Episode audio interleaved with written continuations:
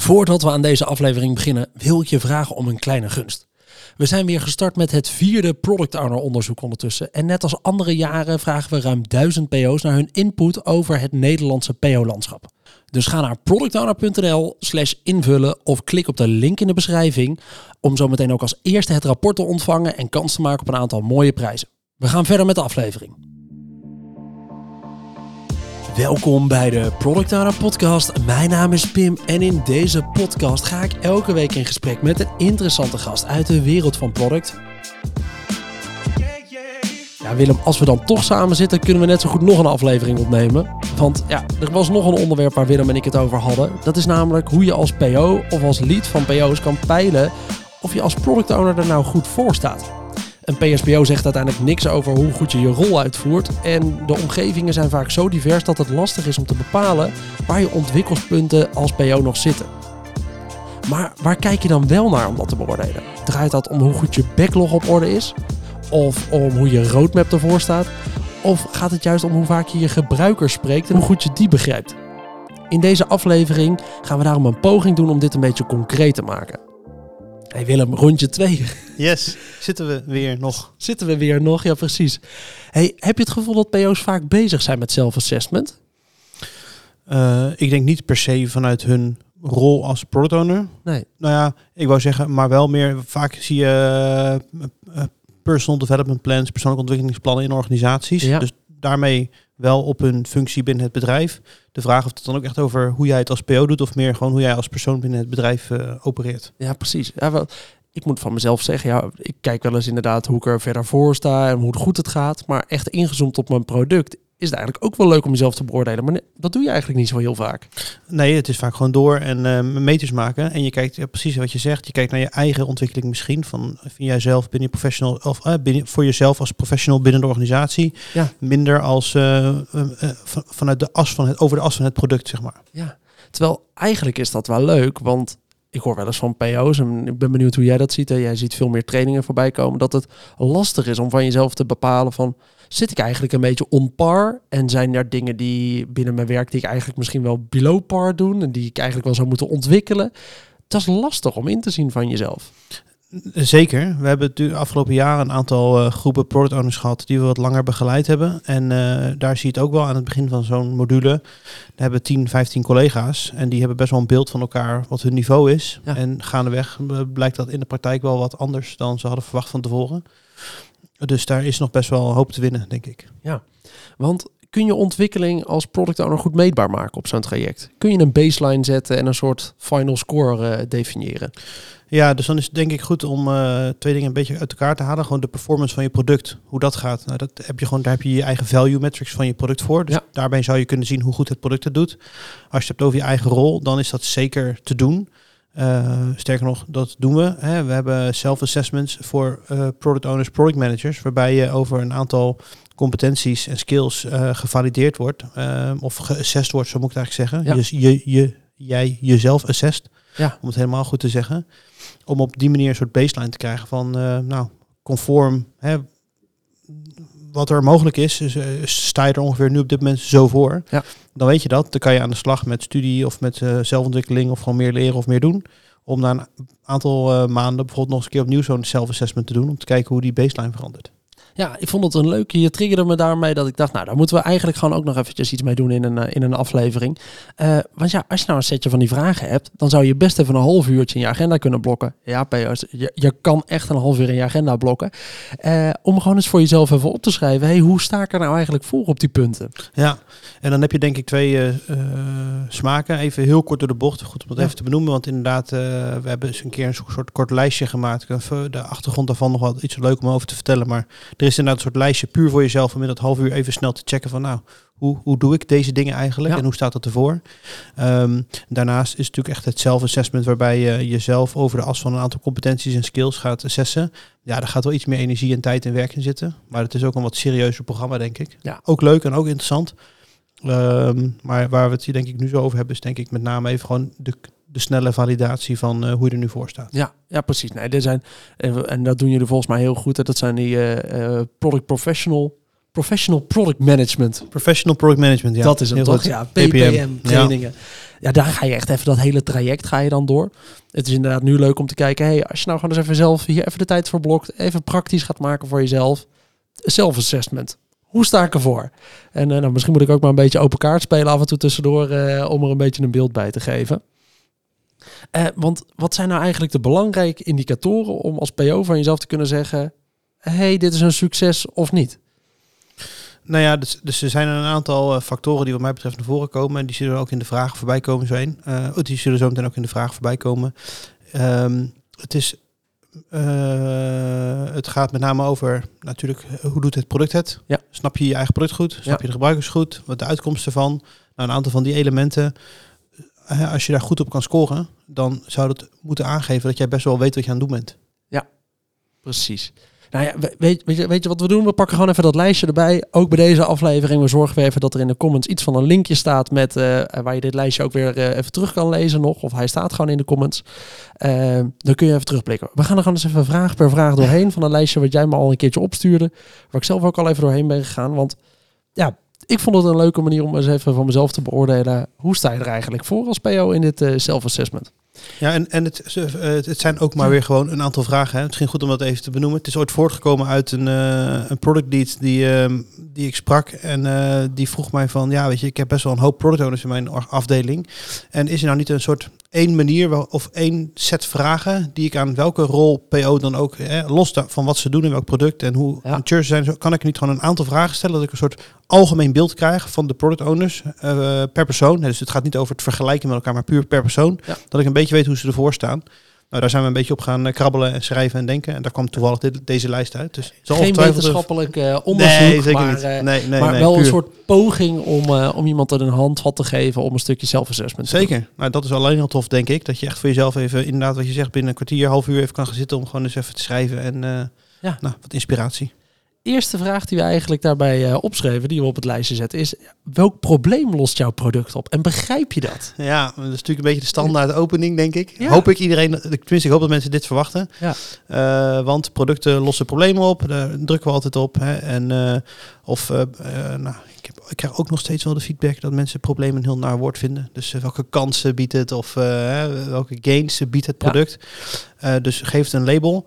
Eh, maar met name, eh, waarom bouw jij jouw product? Dat is eigenlijk de belangrijkste vraag. Dus eh, kan, jij dat, kan je dat in één of twee zinnen gewoon goed eens opschrijven in duidelijke taal? Eh, niet van, eh, ja, nee, door ons product enabelen we de, de, de, de, met de high-tech in bla bla bla bla. Zo'n Ja. heel, nee, echt even concreet. Wat los je, welk probleem los je je product? Ja. Ja. En dan wil je vaak ook al gelijk eventjes inderdaad erbij zeggen, joh, dit is het scenario, dit lossen we nu op en in de toekomst lossen we dit een beetje op. Nou, dan heb Ja. je in ieder geval een soort beeld van wat doet je product eigenlijk. ja. Dan krijg je eigenlijk gelijk vraag 2 erachteraan. En die is wel heel logisch. Want als je het probleem hebt, dan wil je ook eigenlijk wel begrijpen voor wie lossen we het dan op. Hè? ja. Dus Dus wie zijn de gebruikers van jouw product en hoe goed ken je die groep? Ja, dit is eh, ook een open deur, hoop ik. Eh, en in de praktijk vaak nog best wel eh, ja, onderschat. Dan kijk ik dan vaak met name naar de grote enterprise bedrijven die veel interne product owners hebben Ja. zitten. En die zeggen, ja, het is voor mij niet zo moeilijk. Ik bouw mijn product voor de afdeling KYC van de bank. Die, doen- Ja. die, die doen dat. En dat zijn gewoon 15 collega's en dat zijn mijn gebruikers klaar. Ja, oké, maar goed. Dan is daarom ook die vervolgvraag. Hè? Dus niet alleen wie zijn ze, maar hoe goed ken je ze? Ja. Hoe ziet hun dag eruit? Waar zijn ze mee bezig? Waar lopen ze tegenaan? Zijn het mensen die tech-savvy zijn? Of vinden ze juist software lastig? Nou, weet je, er valt nog best wel een soort verdieping op te maken.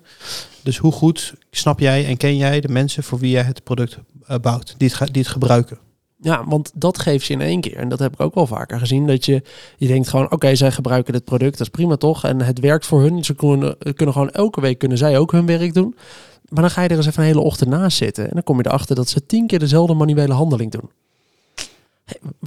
Mag ik eens vragen, waarom, waarom doe je dit eigenlijk elke keer zo? Ja, want ja, hier staat dat eigenlijk verkeerd. Maar dan moet ik eigenlijk altijd gewoon even dit doen. Maar ja, dat doe ik gewoon elke dag even. En dan is er niks aan de hand. Ja, mooi hè? Oh, wacht eens. Oké, ik ga dit heel even opschrijven. Vind je dat goed?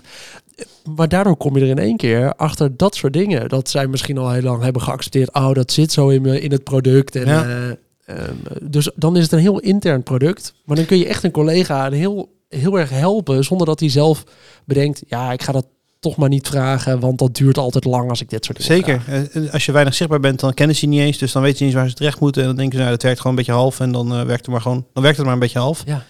Ja, je kan best wel een hoop winst nog behalen als je goed begrijpt wat, voor wie je doet en hoe ze hun werk doen. Ja, ja zeker. Die, eh, gewoon en, en ook bij B2C-producten. hè. Soms eh, is dat juist een hele diverse ploeg. En is die wat een collega kun je makkelijker een dag naast gaan zitten dan een, een B2C-consumer. Hoewel er ook wel genoeg manieren zijn om dat eh, op te zetten. Om te zien hoe die mensen echt jouw product gebruiken. Ja, daarvoor zou je bijvoorbeeld ook nog een dag langs customer service gaan zitten. En gewoon eens met hun gaan meeluisteren over welke vragen er binnenkomen. Ja. Bijvoorbeeld. Ja, zeker. Ja, dat is ook, ook daar trigger je me even op inderdaad. Hè, want die heb ik ook wel eens bij een klant gehad. Dat op eh, de klantenservice, daar worden heel veel eigenlijk een beetje vragen soort van standaard manieren opgelost. Of juist een beetje weggemoffeld. En ik, oh ja, dat hoor ik ook wel vaker. Maar daar doe ik maar niks mee. Want daar doen we niks mee, is mij ooit een jaar geleden ja, gezegd. precies. Ja, ja. Terwijl ja, een dagje zelf aan de telefoon zit. Ik heb het laatst weer gedaan bij een klant. Ik heb drie dagen aan de telefoon gezeten in de ochtend. Ja, dat is echt wel. Ik krijg in één keer hele andere vragen. Dus ze vragen altijd dit. Kunnen we dat niet ergens duidelijker weergeven? Kunnen we niet dat? Dus eh, het triggert mij altijd voor veel input. eh, om die gebruiker echt eh, te begrijpen. Oké, dan heb je, dat vind ik een goede. Dus kun je die ook voor jezelf invullen. Dus wie zijn de, wie zijn de gebruikers van je product? En hoe goed ken je die groep eigenlijk in, in een paar zinnen? Dan vraag drie. En die is iets controversiëler. Voor sommige mensen probeer je bij weg te blijven. Namelijk, wie betaalt er voor het product? En wat zijn de wensen van deze groep? ja. Waarom staat die erin?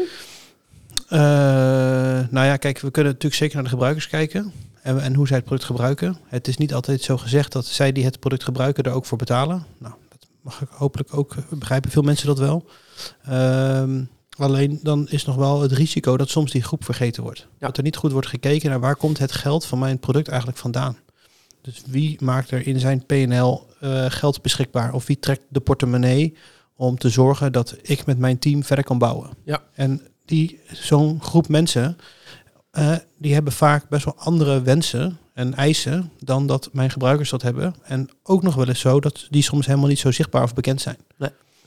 Bij eh, een eh, groot voedselbedrijf waar ik een jaar, twee jaar geleden een tijdje heb gezeten, die hebben best wel gesloten afdelingen. En er was een product owner, die was verantwoordelijk voor een datahub. Dat was hij lekker aan het bouwen, helemaal goed. Maar we hebben het eigenlijk niet met elkaar daarover wie dat allemaal bekostigt. Ja. En als één of twee lagen daarboven op de PNL een hoop kostenpost ziet voor zo'n datahub en ze het niet precies begrijpen en iemand anders aan die tafel zegt van ja, maar datahub, we werken toch met een partij en die levert gewoon datasystemen, dus die kunnen toch prima voor ons zo'n hubje bouwen. Dus eh, nou, hier weet je wat we doen, we schrappen even 300.000 euro uit de PNL en daarvoor gaan we voor 150.000 euro even iets extern beleggen. Ja. ja, je product is gewoon verdwenen. En eh, het is wel interessant als je onderdeel bent van die gesprekken en dat je snapt waar die groep naar op zoek is en wat ze dan willen hebben. Dat vind ik een leuke. Om eh, gewoon even de trigger. Weet je eigenlijk wie er betaalt voor jouw product? Ja. En, en snap je dan dus ook waar, waar die mensen op zoek naar zijn? Ja. En, wat, ze- en wat zij nodig hebben? Wat is hun value die zij eh, nastreven? Ja, ja begrijpen van waar, waar zij op moeten leveren en waarop zij beoordeeld worden. Eh, als je dat begrijpt, dan kun je ook op een hele andere manier dat gesprek misschien wel voeren. Ja. Cool. En wie weet geeft het je kans om nog eens een keertje extra budget te krijgen als je het wel nodig hebt. Hè? Nou ja, iets met stakeholder management hebben we het over gehad. Hè? Dus goed de relatie bouwen met dat soort mensen om wat geld los te wrikken. Ik kan helemaal niks mis mee. Nummertje vier die we opschreven is, eh, wat is je productvisie? Kun je Ja. gewoon even in twee zinnen, even in één zin opschrijven, wat is eigenlijk je productvisie? Ja, ik denk niet dat we daar per se eh, heel veel tijd in kwijt hoeven zijn. Het Nou lijkt me vrij logisch, hè? maar het is eh, dus eigenlijk komt het hierop neer. Je hebt vraag 1 en 2 beantwoord. Ehm, en eh, vraag 3, daar weet je ook nog eens wie ervoor betaalt. Dus vat dat eens samen en hoe ziet het dan eruit? En Ja. doe je dat al en kan je dat? Ehm, hoe ziet de wereld er nu uit? En hoe ziet de wereld straks eruit als het probleem is opgelost? Ja. En wat is er dan mogelijk en hoe, hoe werkt dat dan? Ja. Ja, de basisrapporten is dat voor mij. Helemaal waar. Daar hoeven we niet te veel tijd aan te besteden. Maar de volgende, en die is wel leuk. Hoe weet je wanneer jouw product succesvol is? En hoe meet je dat? Ah, zeker met interne tools wordt hier vaak een beetje langs opgekeken. En we leveren wat we moeten leveren. Ja. En de rest, eh, ja, dat zal, Zal dat zal wel. wel. Ja, maar zelfs ook nog wel voor ehm, eh, meer B2C-producten, of in ieder geval customer-facing, die echt buiten de organisatie leven. Ja. Ja, ik, ben, ik lever een website voor tweedehands auto's en dat is wat ik doe. En eh, ja, we hebben gebruikers op de website, dus volgens mij gaat dat wel goed allemaal. Eh, en dan chargeer ik natuurlijk een beetje, Ja. maar oké, maar is het product nu echt succesvol of niet? Of kan het nog beter? Of wat mist er nog? En, Ja. hè, dus ja, En daar goed, is succesvol. Ja. nou, precies ja. Hè? Dus daar goed antwoord op kunnen geven is iets wat mij in mijn ervaring, dat valt me best wel op, dat veel product owners dat nog best wel lastig vinden. In, en intern en extern, allebei soorten producten. Maar Ja, ja, ja, ja. ja maar ja, we, ja, we weten, we zijn, als we met elkaar blij zijn, is het maar wel goed. En we hebben de epics opgeleverd en de features zijn geleverd en de klanten zitten in de app en die gebruiken het of eh, onze website of eh, applicatie of product. Ja, dus eh, maar oké, maar wanneer ben je dan echt succesvol? Ja, ja, nou, en dan blijft het een beetje stil en dan zie je ze denken. Ja. Dus ja, dat is vaak een van de eerste vragen die ik aan een product owner stel als ik met zo iemand ga zitten. Van Ja. oké, welk probleem was het op? En hey, eh, hoe, wanneer ben je dan succesvol en hoe meet je het dan eigenlijk? Oh ja, nou dat is wel een moeilijke vraag. Ja, maar ook die blijdschap. Ik heb heel recentelijk nog een, eh, een vragenlijst weer even uitgestuurd aan mijn belangrijkste groep gebruikers. Interne tool. Ik weet dat zij daar veel tijd aan spenderen. Ja, gewoon eens in het kwartaal even een vragenlijstje uitsturen met... hey, hoe goed helpt deze tool jou om dit en dit en dit te doen? Dat geeft je gewoon iets van een meetbare factor om zo meteen over een paar maanden weer te zeggen... zijn ze er nu blijer mee geworden? Is het dan wat we hebben toegevoegd, hebben we hun leven makkelijker gemaakt? Zo begint het wel. En dat is volgens mij precies wat je moet doen ook. En het hoeft vaak ook niet heel complex te zijn. Dus dat, er zit vaak een beetje een drempel tussen eh, nou ja, eh, analytics inregelen en dat heel Zeker. groot maken. Versus inderdaad op een zo laag, laagdrempelig mogelijke manier Ja. wel iets eh, inzichtelijk krijgen. Ja, precies. Dan hebben we, eh, hoe ziet je productstrategie eruit? En wat staat er op je roadmap? Ja, nou, een beetje hetzelfde als voor die visie. Ja. Ehm, ook hiervoor geldt zeker die roadmap met name. En ehm, nou ja, eigenlijk de strategie precies hetzelfde eigenlijk. eh, nu ik erover nadenk. Het leeft vaak in het hoofd. Eh, de roadmap is dan misschien zelfs nog wel wat visueler, omdat dat vaak nog wel een soort template is wat we invullen. Ja.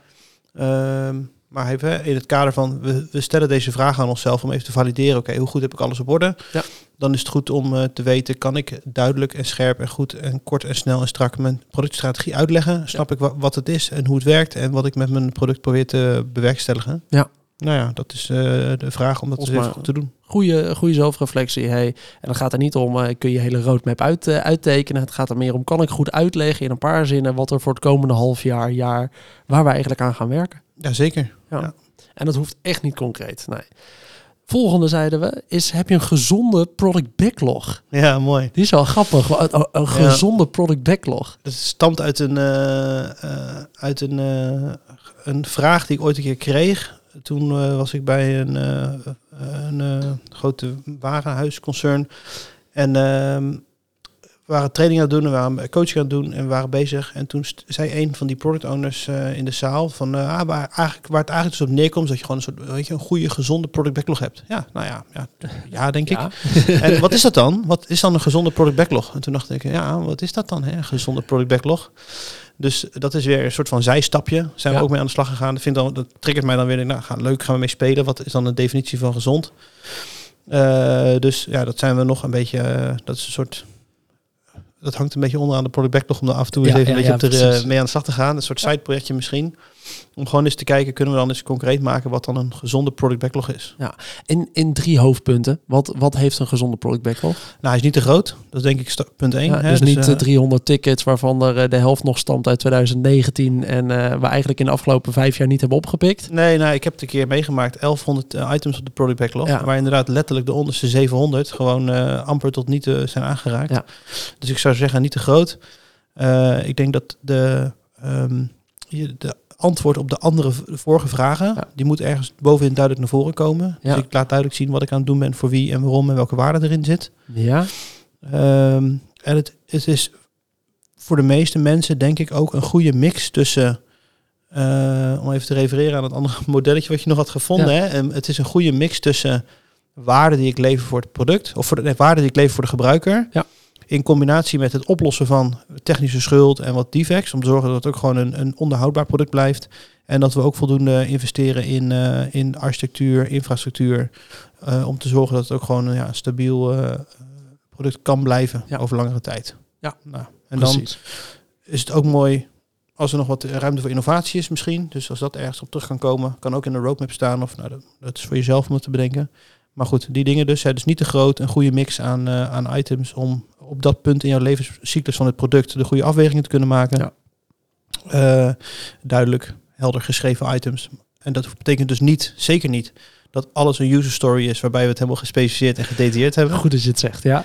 Want dat is, dat is op de een of andere manier is het woord. eh, er zijn een aantal van die woorden in dit hele agile development proces dat elke keer weer terugkomt. Nou, Ja. een van die woorden is user story. Ja, prachtig. Uh, als maar bij interne producten en bij technische stories en bij technical debt zaken. Ja, weet je. En uh, nou, zelfs als interne product zou je nog kunnen zeggen van ja, ik doe het voor de andere afdeling. Er zit een KYC-team en uh, dat zijn er tien mensen. En daar kunnen we één persona van maken. En die persona noemen we dan gewoon Kees. En Kees is onze KYC-collega. En nou, als Kees wil ik een bepaald probleem oplossen. Ah, top, ah, weet je. Prima. Ik als een database wil mijn JSON-bestanden nee, ja, ontvangen. Dat, vergeet, het, vergeet het. En ik heb het, weet je, ik kan het nog wel herinneren dat ik echt, en hebben we het over 13 jaar geleden of zo. Dus zat ik naar, naar Te staren. En ik had dat template voor me. Ik ben aan het tikken. En ik zeg, ja, maar we moeten toch gewoon... Dus ik kijk naar die developer. We moeten toch gewoon die database refresh doen, toch? Ja. En ik kijk naar de template te kijken en denk, als een product owner wil ik... Zo, ik, ik, snap je gewoon, ik snap het niet. Wat ben ik aan het doen?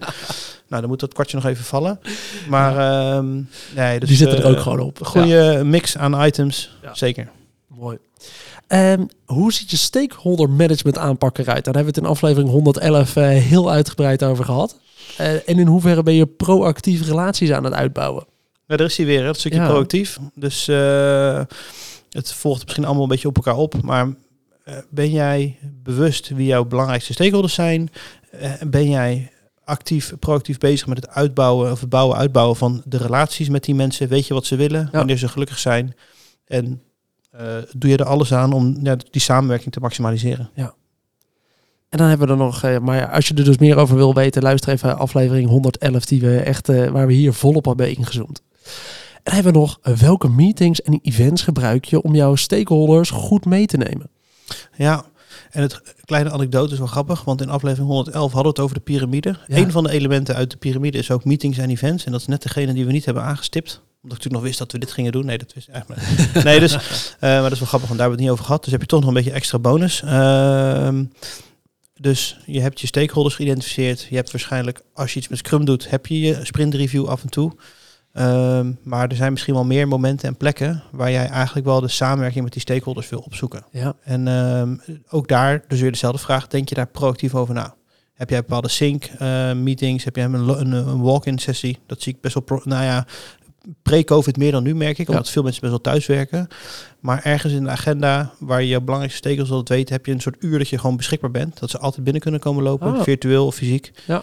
Nou, en op die manier nadenken over welke mensen moet ik op welk moment van de week of van de maand bij elkaar hebben om de juiste richting op te sturen. Ja. In het kader van proactiviteit en het managen van je stakeholders. Ja, ja, dat vind ik, een, eh, vind ik het leuke. Ik, uh, ja, ik maak de review sessies voor mij altijd een hele belangrijke. Ja. Het is echt, uh, uh, ook nu zat ik weer bij, recent bij een klant binnen, waar dan de review sessie eerst vrij klein was. Alle teams apart, heel gefocust, heel erg IT-minded.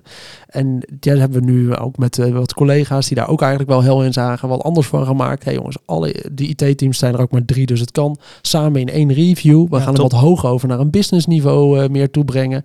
We gaan ook onze, we gaan niet vertellen dat we een API-connectie hebben gemaakt, maar we gaan vertellen wat we daarmee oplossen. En, en, en wat de organisatie daar eigenlijk aan heeft. En we proberen met die sessie heel erg te triggeren om mensen meer vragen te laten stellen. En, oh, maar heeft dat dan ook invloed voor mij dit? Ja, ja, want jij gaat al daar. Ah ja, oh, dat is eigenlijk wel leuk. En uh, van daaruit, hey, wil je hier nou meer van weten? Uh, volgende week geef ik hier weer ergens even een presentatie over hoe we dat de komende half jaar gaan aanpakken. Ja, tof. Haak vooral even aan. Nou, de review is echt een van de hele belangrijke. En uh, zelfs als we Kanban doen of geen Scrum of we doen onze eigen manier of zo. Een, een sessie waarbij je met elkaar samenkomt om uh, echt een review te doen. Dus niet een demo van dit hebben we, of dit zijn we aan het bouwen, of dit hebben we gebouwd. Ja. Maar echt een review van dit is wat er staat. Het lost deze problemen op. Ja. Doet het dit ook voor jullie? Feedback ophalen. Wat gaan we dan nu doen? Samenwerken. Ja. Uh, waardevol, super waardevol. Ja. Mooi. Ik, uh, vind ik heel erg. Ik, ik spendeer altijd veel tijd aan, aan dat dat echt een goede sessie is. En ja, vaak zijn ze gewoon binnen sommige bedrijven worden reviews gewoon heel onsexy gemaakt. Waardoor er eigenlijk op een gegeven moment komt, heeft iemand een keertje gejoind en die denkt, ja, ik geef het geen prioriteit meer in mijn agenda, laat maar zitten. En, goed zo. Die moet je claimen. Die prioriteit voor jouw review sessie, dat moet een beetje een show zijn. Uh, zij eh, zegt Jeroen Herema, zegt dat altijd. Oh. Review moet een show zijn. Oké. Ja, het is een beetje flauw om dit dan nu nog te zeggen, maar wat, eh, bij, een, uh, bij een gamebedrijf waar ik wat langer geleden heb gewerkt, was dan ook altijd van één team, daar was iedereen bij. Ja. Er waren koekjes, er was feest, er was muziek, oprecht hè. En het gaat niet om de koekjes en het feest, maar het gaat er wel om dat er wordt uh, laten zien dat er een soort sfeer is en dat het, je wil hierbij zijn, dit wil je niet missen, want hier gebeuren de belangrijke dingen. Nou, het, en ik snap als jij een van de 300 scrum teams bent en je hebt op dezelfde dag allemaal de review, is lastig. Hoe kan je dan toch op een bepaalde manier het onderscheid maken? Of wat jij, wat jij voorbeeld wat je geeft, vind ik Ja. super mooi. Dat we dingen bij elkaar brengen. Dan Ja. met drie teams samen om een soort productdomein eh, te reviewen. Ja, supergoed. Ja, top. Nog eentje om eh, voor jezelf even dat self-assessment lijstje af te sluiten. Is hoe sluit je product aan bij de bedrijfsstrategie? Dat is op zich ook wel leuk om af en toe eens een keertje te spiegelen hè, met jezelf. Want vaak proberen we als PO's een beetje onszelf ook wel los te wikken en te zeggen, nee, we willen zelf onze koers. Ja, Maar hoe hangen we nou eigenlijk samen met het grote plaatje? Heb je daar een beeld bij?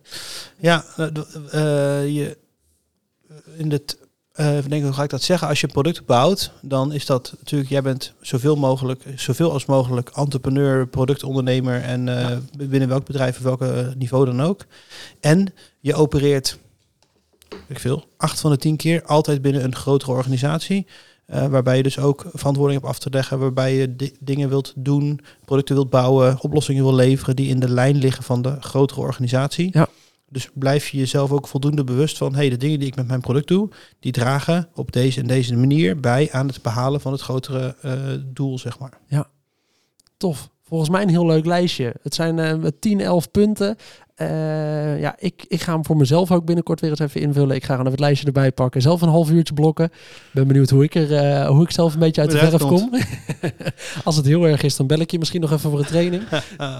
Maar eh, volgens mij ook leuk voor de luisteraar. We zorgen ervoor dat er een linkje staat ergens in, eh, in de beschrijving van deze aflevering eh, naar, deze, naar dit vragenlijstje. En nou, heb je er iets leuks uitgehaald, laat het ook vooral even weten. Vinden we ook leuk om, om terug te horen hoe, of dat dit soort dingen waardevol zijn voor de luisteraars. Zeker, ja, absoluut. En weet je, het is de start, wat mij betreft, de start om erachter te komen dat het assessment eh, doen waardevol is. Ja. Dus een vervolgstap is ook altijd tof om te doen. Wat groter assessment, wat dieper erin duiken met je groep, met je collega's, om van elkaar zijn beeld te krijgen. Nou, Willem, thanks. Leuk dat je nog een keertje bent aangeschoven. Volgens mij hebben we samen twee leuke afleveringen weer voor de podcast neergezet. En eh, ik hoop ook dat de luisteraars dat vinden. Ook in dit geval weer, heb je nog een vraag voor Willem? Of wil je er toch eens even wat meer over weten hoe dit lijstje nou tot stand is gekomen? Of wat je er verder mee zou kunnen? Stuur hem vooral even een berichtje via LinkedIn. Dat is Willem Vermaak.